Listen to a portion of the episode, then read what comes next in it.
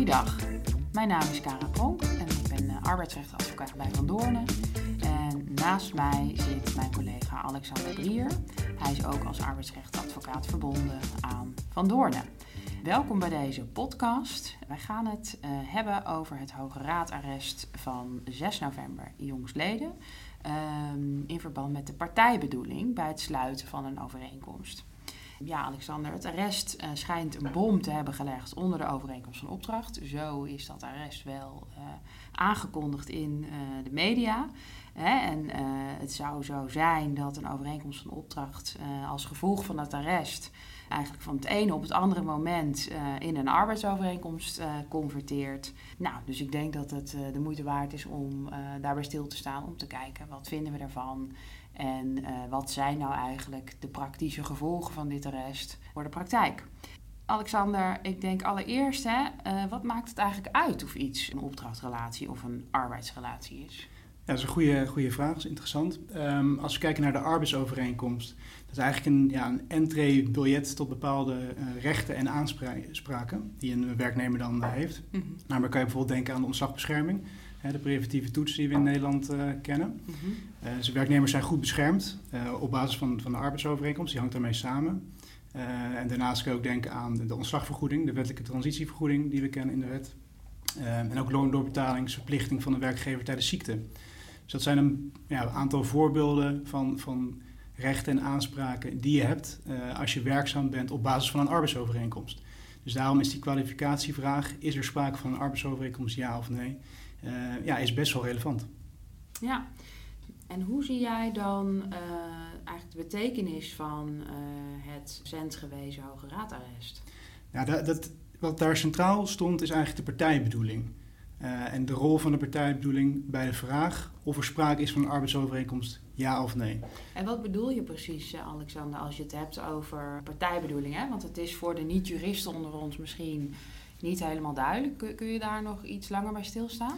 Wat daarmee wordt, bedoeld um, is of partijen uh, in de overeenkomst die ze zijn aangegaan, dat ze daar hebben opgeschreven, partijen het met deze overeenkomst beoogt wel of geen arbeidsovereenkomst aan te gaan. Ja, dat is de partijen van tevoren met elkaar hebben ja, gezeten, eh, op papier het een en ander hebben geformuleerd. En daarin staat dan vaak partijen met deze overeenkomst uitdrukkelijk geen arbeidsovereenkomst beoogt. Ja, ja, dat is dus de bedoeling van partijen. Ja, dus eigenlijk de wens van partijen uh, om wel of geen arbeidsovereenkomst ja. te sluiten. Exact. Dat is eigenlijk wat je bedoelt met de partijbedoeling. Met de partijbedoeling, ja, exact. Ja, nee, helder. Ja. Ja. Dus dan is dat, eigenlijk kun je dat dan zien als het, als het etiket wat partijen zelf plakken op een overeenkomst. Wij bedoelen hiermee een arbeidsovereenkomst of wij bedoelen hiermee een overeenkomst van opdracht. Ja, en was het dan zo, Alexander, dat je daarmee kon sturen in de praktijk? Um, in zekere zin wel. Het hangt ook af uh, van uiteindelijk de, rechter die daar een oordeel over moet, moet geven. Maar met, met sturen, um, daar heb je wel een, een goed punt. Uh, want wat ik al zei, als partijen in een bepaalde overeenkomst een etiket hadden geplakt op die overeenkomst.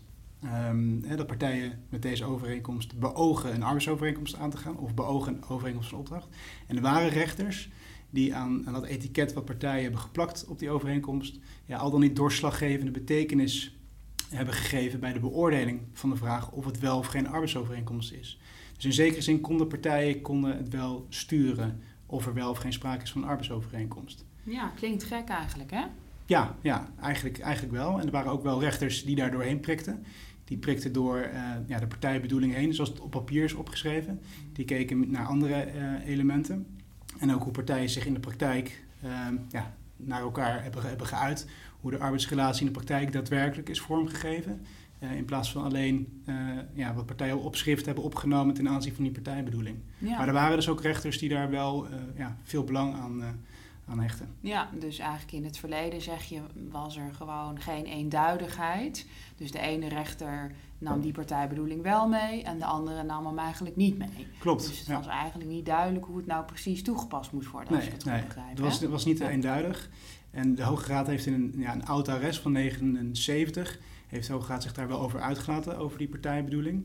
Uh, en in de periode daarna heeft de Hoge Raad ja, in bepaalde arresten ja, min of meer de kwalificatie wel van belang geacht. Uh, dus dat is ook misschien mede de, de, oorzaak geweest van die onduidelijkheid. Mm -hmm. Maar aan die onduidelijkheid is dan nu wel een, uh, een eind gekomen. En wat oordeelde de Hoge Raad dan eigenlijk, Alexander? Nou, de Hoge Raad heeft, heeft geoordeeld dat de partijbedoeling uh, geen rol speelt bij de kwalificatie van, van de arbeidsovereenkomst.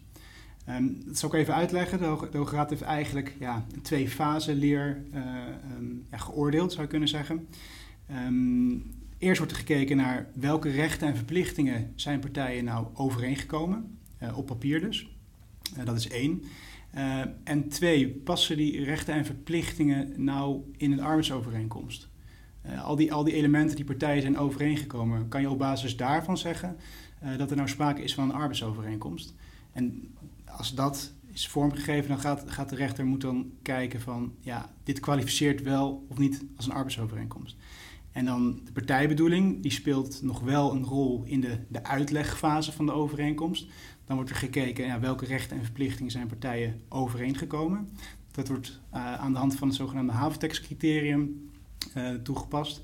En ja, kort gezegd komt dat criterium erop neer dat er niet alleen moet worden gekeken naar de ja, taalkundige betekenis die partijen uh, over en weer van elkaar mochten verwachten, maar ook de bedoeling van partijen speelt er wel een rol, gelet op de omstandigheden van het, van het geval. Dus daar in, dat, in die fase speelt dus de partijbedoeling nog wel een rol.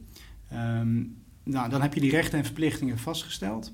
En dan gaat de Hoge Raad kijken van, is dat wel of geen arbeidsovereenkomst? Althans, de rechter gaat dat uh, beoordelen.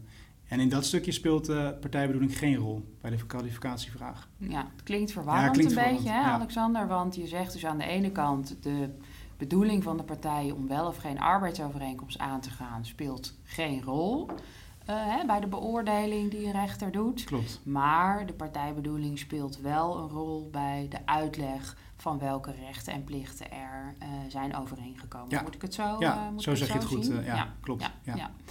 En ehm, wat betekent dat dan eigenlijk, Alexander, voor, voor, voor, voor de praktijk? Hè? De, de, dus de luisteraar die bijvoorbeeld nu zit met een aantal opdrachtnemers...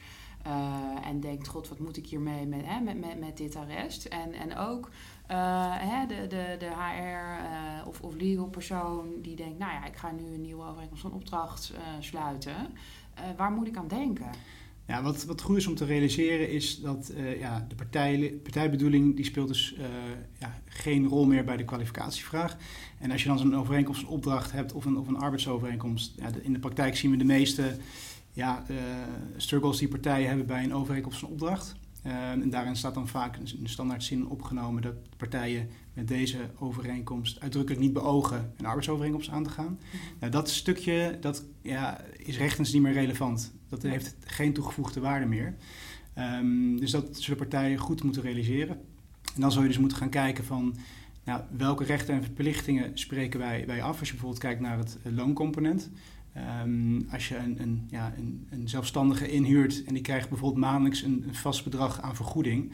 Ja, dan zou je kunnen zeggen dat kan worden aangemerkt als, als loon. En dan, ja, dan kom je al meer in de richting van een arbeidsovereenkomst dan bijvoorbeeld de situatie waarin iemand uh, maandelijks declareert op basis van, van de uren die hij of zij uh, heeft gewerkt. Mm. Dat het niet een, een vaste omvang heeft. Ja. Uh, dus daar zullen partijen ja, nog meer dan voorheen scherper op, op moeten zijn. Ja, dus je zegt eigenlijk je moet heel scherp gaan kijken naar wat zijn nou de individuele afspraken die je eigenlijk maakt.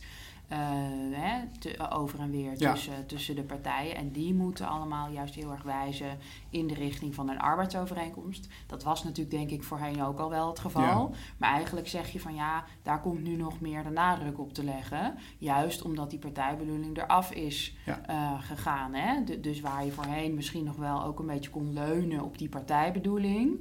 Uh, kan dat nu niet meer. Nee, Ehm, dat is helemaal en, weggevallen. eh, ja, moet je nu dus meer de nadruk leggen op wat er daadwerkelijk geldt Ja. eh, tussen, eh, tussen partijen. Ja, klopt. Ja. zo eh, mag samenvatten.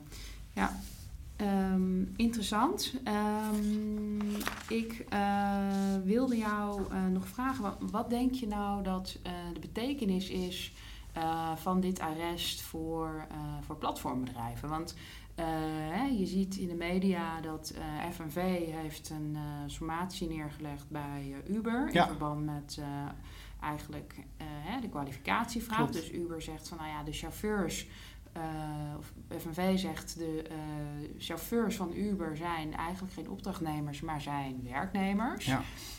het schijnt ook dat dat is naar aanleiding geweest van dit rest van de Hoge Raad. Ehm, nou, dat brengt nogal wat onrust, denk ik, met zich voor platformbedrijven. zou je daar nog iets over kunnen zeggen? Nou, in, in die context zal de partijbedoeling uh, ja, niet meer relevant uh, zijn bij de kwalificatie. Waar voorheen nog rechters er wel in meegingen dat een platformwerker met, eh, met het platform had afgesproken dat partijen ja, geen arbeidsovereenkomst zijn overeengekomen. Dat zag je in de rechtspraak wel, er waren wisselende uitspraken over. Um, dus er zal nu nog meer dan voorheen worden gekeken naar de, de gezagsverhouding tussen de platformwerker en het platform zelf daar zal, dat is de verwachting, nog meer de nadruk op komen te leggen bij, uh, ja, bij de beoordeling of er sprake is van een arbeidsovereenkomst, ja of nee. Dus dan ja, neem je eigenlijk meer afscheid van die partijbedoeling en dan gaat, ga je dus meer focussen op, uh, op de gezagsrelatie. Ja. Uh, hoe wordt iemand aangestuurd, krijgt hij instructies, op welke wijze? Ja, en dat is in deze tijd is dat ja, nou, niet problematisch, maar het is wel lastig om vast te stellen. Mhm. Omdat hè, die klassieke gezagsverhouding, waar het instructierecht van een werkgever, dat iemand echt heel duidelijk wordt aangestuurd, um, ja, daar is al lang geen sprake meer van. Zeker niet bij, bij de platformwerker. Die is relatief natuurlijk vrij om te bepalen wanneer hij of zij uh, werkt. Mhm. Maar aan de andere kant kan je ook wel zeggen dat die platformwerker wel wordt gestuurd uh, door een app-applicatie uh, bijvoorbeeld. Um, dus die kant gaat het een beetje op. Ja, en zie je uh, die beweging uh, ook terugkomen al in, um, in, in de literatuur of, of in de rechters? Hè? Zijn er eigenlijk ook al rechters die daar uh, hè, die op die manier naar die gezagsverhouding kijken? Of is dat nog helemaal niet anders? Nee, er, er, er, zijn rechters die, die, um, ja, die kijken naar, naar het algoritme. Hè? Dus eigenlijk ja, ondergeschikt aan het algoritme zou je kunnen zeggen. Ja. Dat iemand ja, door bepaalde um, ja, applicaties toch min of meer wordt, wordt aangestuurd. Niet direct door, de, door, de platform, uh, door het platformbedrijf zelf, maar wel door de, door de wijze waarop de arbeid moet worden uitgevoerd. Ja. Um, dat is dus niet, uh, niet helemaal zelfstandig. Ja. Um, ja. ja, ik denk ook dat het interessant is om hè, daar ook nog uh, bij te vertellen dat waar ook natuurlijk naar wordt gekeken nu de laatste tijd, wat je wel ziet en wat we ook terugzien in een, uh, in een uh, brief van, van het kabinet aan de Tweede Kamer van 11 november, heel recent, is dat ook het kabinet dit eigenlijk onderstreept. Hè? Dat het kabinet zegt van, nou ja, die gezagsverhouding zoals we die traditioneel kenden, die is in heel veel gevallen niet meer aanwezig. inderdaad, omdat arbeid gewoon anders wordt aangestuurd. En dat zie je natuurlijk met name binnen de platformarbeid. en dan is inderdaad denk ik het ene element wat wordt genoemd nou ja, de aansturing van zo'n platformwerker via uh, zo'n app of zo'n algoritme. En het andere element wat daarin wel uh, naar voren komt, is um, de, hè, de, de, de, het feit dat een platformwerker eigenlijk werkt binnen de kernactiviteit van, uh, van die organisatie. Dus als we even kijken naar Uber. Hè, de kernactiviteit van, van Uber is het vervoer, hè? het vervoer van mensen. En dat is nou precies waar die Uber-chauffeur in werkt. Hè? Dus het enkele feit dat zo'n Uber-chauffeur werkt in, binnen die kernactiviteiten van Uber. Daarvan zegt dus het kabinet van ja, dat is dus eigenlijk al een aanwijzing hè, dat er wordt voldaan aan die gezagsverhouding en dat er dus dan uiteindelijk ook sneller sprake zal zijn van een arbeidsovereenkomst. Ja. En uh, ik denk wel interessant dat we dit ook wel, dit is wel een ontwikkeling die we ook al wel wat langer zien. Hè? Want we hebben dit ook gezien in um, uh, een van de uitspraken in verband met uh, Deliveroo. Hè, waar de rechter ook moest oordelen over de vraag of er sprake is van een overeenkomst van opdracht of een arbeidsovereenkomst bij een Deliveroo rider. Uh, en de ene uh, rechter, hè, gek genoeg, oordeelde dat er wel uh, sprake is van een opdrachtovereenkomst. En de andere rechter die oordeelde van niet. En die zei van hé, dit is gewoon een werknemer op basis van eigenlijk dezelfde feiten. Maar wat je daar zag in die, in die tweede uitspraak is dat die rechter ook heel sterk de nadruk legde op het feit dat dit een, iemand is die werkt in, binnen die kernactiviteit van die Deliveroo. Um, en uh, je ziet nu dat het argument, uh, ja, dat zie je nu terugkomen. We zagen dat ook al in, uh, in de conclusie bij het Hoge Raadarrest, waar we dat, die, wat we hier bespreken. Ja. Um, en we zien het nu ook dus terugkomen in de kabinetsreactie van 11 november. Dus Ehm, ja, het is denk ik een beetje de vraag hè, waar, dat, waar, waar dat toe gaat leiden. Ehm, het kabinet heeft ehm, ook wel hè, nog wat meer gezegd over hoe ze eigenlijk de status van de, hè, van, de, van de arbeidsrelatie van de platformwerker, hoe ze dat zien en ook hoe ze daarmee vooruit willen. Zou je daar nog iets over kunnen vertellen? Hoe zij het voor zich zien. Er was, um, eerder dit jaar heeft de commissie Borslap een uitgebreid rapport geschreven. Dat heeft, ja, dankzij corona heeft het even stilgelegen. Maar het kabinet is dus met die reactie gekomen. En wat zij um, over platformwerkers uh, zeggen, is dat ze introduceren eigenlijk, althans ze willen de mogelijkheden onderzoeken om een rechtsvermoeden te introduceren. Um, als aan het rechtsvermoeden wordt, wordt voldaan, Ehm, dan is er eigenlijk sprake van, van een arbeids, uh, arbeidsovereenkomst. Dus als, een, als een, bijvoorbeeld een, een, werker via een platform een opdracht krijgt en op een bepaalde manier wordt, wordt aangestuurd, uh, dan zou er al sprake zijn van een arbeidsovereenkomst. Ja, een vermoeden van. Een vermoeden van, exact. Ja, en dan ja. is het aan het platformbedrijf zelf om dat vermoeden te ontkrachten. Ja. Um, dus die kant wil het kabinet uh, opgaan. Um, nou, we hebben het al eerder even over gehad dat het ja, eigenlijk een, een Europees probleem is. We zijn niet alleen in Nederland met, met deze vorm van arbeid. Uh, dus daarom zou je erover na kunnen denken om het meer op Europees niveau aan te pakken. Ja. Um, in plaats van hoe het huidige kabinet er nu in zit. En wat misschien ook leuk is om te vertellen, Karen, dat wij recent een opinie hebben geschreven voor het, voor het FD, Financiële Dagblad.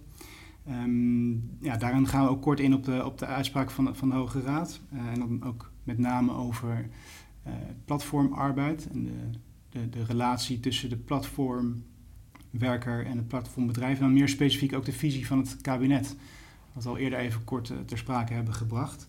Um, met, met, betrekking ook tot het rechtsvermoeden wat het kabinet um, ja, beoogt te introduceren. Um, ja, wij zijn eigenlijk wel van mening eh, dat het niet heel creatief uh, is hoe dan het kabinet ja, dit wil aanvliegen. Ja. Want het zou zonde zijn dat, dat de platformbedrijven ja, door zo'n rechtsvermoeden, uh, dat we die wegjagen uit, uit Nederland. Ja, want uh, ik denk ook dat het daar goed, uh, daar goed is om te vermelden. Dat, kijk, voor, voor platformbedrijven het natuurlijk, hè, die mal van die arbeidsovereenkomst best wel strak is. Omdat die weinig flexibiliteit biedt. Hè? Want juist, zij zijn juist op zoek naar een vorm waarbij gewoon mensen uh, op welk tijdstip dan ook kunnen inloggen. En ook gewoon een hele periode niet inloggen en dan ja. niet werken. Maar dan een week uh, ineens weer wel heel veel werken.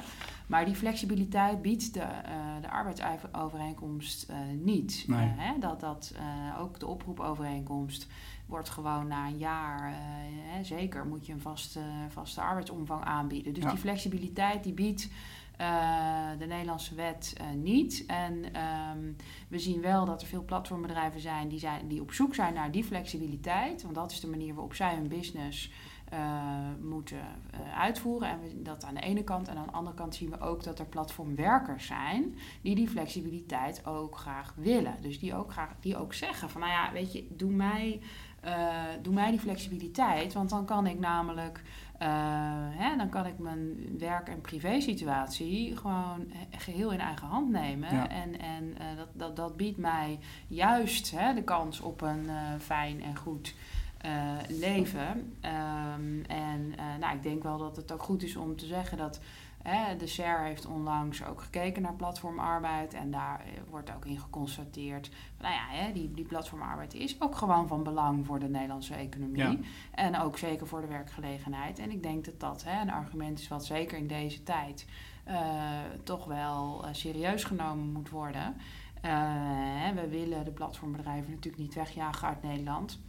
Uh, tegelijkertijd is het een problematiek die denk ik Europees en trouwens ook in de hele wereld uh, speelt.